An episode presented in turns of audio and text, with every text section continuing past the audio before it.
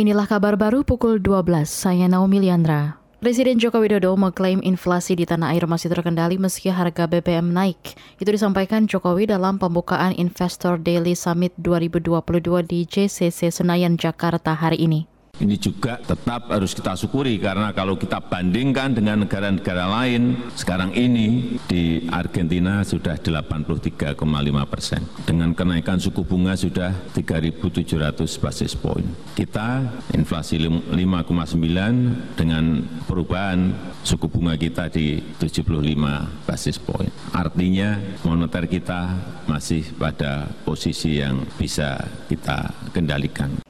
Presiden Jokowi menyebut pada kuartal kedua tahun ini Indonesia berhasil mencetak pertumbuhan ekonomi sebesar 5,44 persen. Ia mengklaim itu merupakan angka terbaik di dunia. Jokowi mengajak seluruh elemen bangsa untuk tetap optimistis sekaligus waspada menghadapi ketidakpastian situasi global akibat konflik Rusia-Ukraina. Masih soal ekonomi, perusahaan keuangan yang mampu beradaptasi dengan dunia digital mendominasi kapitalisasi pasar di Bursa Efek Indonesia. Hal itu diungkapkan Menteri Keuangan Sri Mulyani kemarin. Market capitalization yang terbesar saat ini di Jakarta Stock Exchange didominasi oleh perusahaan keuangan, yaitu perbankan, telekomunikasi, dan e-commerce. Top 5 dari perusahaan tersebut memiliki keterkaitan yang sangat erat dengan teknologi dan dunia digital. Aktivitas mereka tentu melibatkan banyak sektor dan juga melibatkan banyak sekali sumber daya.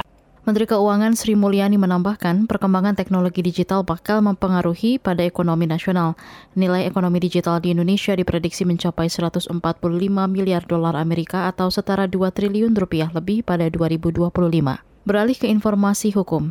Kepolisian mengkonfirmasi ada penggunaan gas air mata yang telah kedaluarsa di Stadion Kanjuruhan. Juru bicara Polri, Dedi Prasetyo, mengklaim efeknya justru tidak berbahaya karena kadar zat kimianya menurun. Sama dengan efektivitasnya gas air mata ini, ketika ditembakkan, dia tidak bisa lebih efektif lagi. Misalnya kalau misalnya dia tidak expired, dia ditembakkan, kan ini kan partikel uh, eh, CS ini kan terjadi partikel-partikel seperti serbuk-serbuk bedak. Ya, ditembakkan jadi ledakan di atas, ketika terjadi ledakan di atas, maka akan timbul partikel-partikel yang lebih kecil lagi daripada bedak yang dihirup, kemudian kena mata, mengakibatkan perih. Ya, jadi kalau misalnya sudah expired, justru kadarnya dia berkurang. Juri bicara Polri Dedi Prasetyo juga mengklaim gas air mata tidak menyebabkan kematian menurut keterangan para ahli. Selain itu, kata dia, berdasarkan penelusuran penyidik, kematian korban tragedi Kanjuruhan tidak disebabkan gas air mata, melainkan kekurangan oksigen. Demikian kabar baru KBR, saya Naomi Liandra.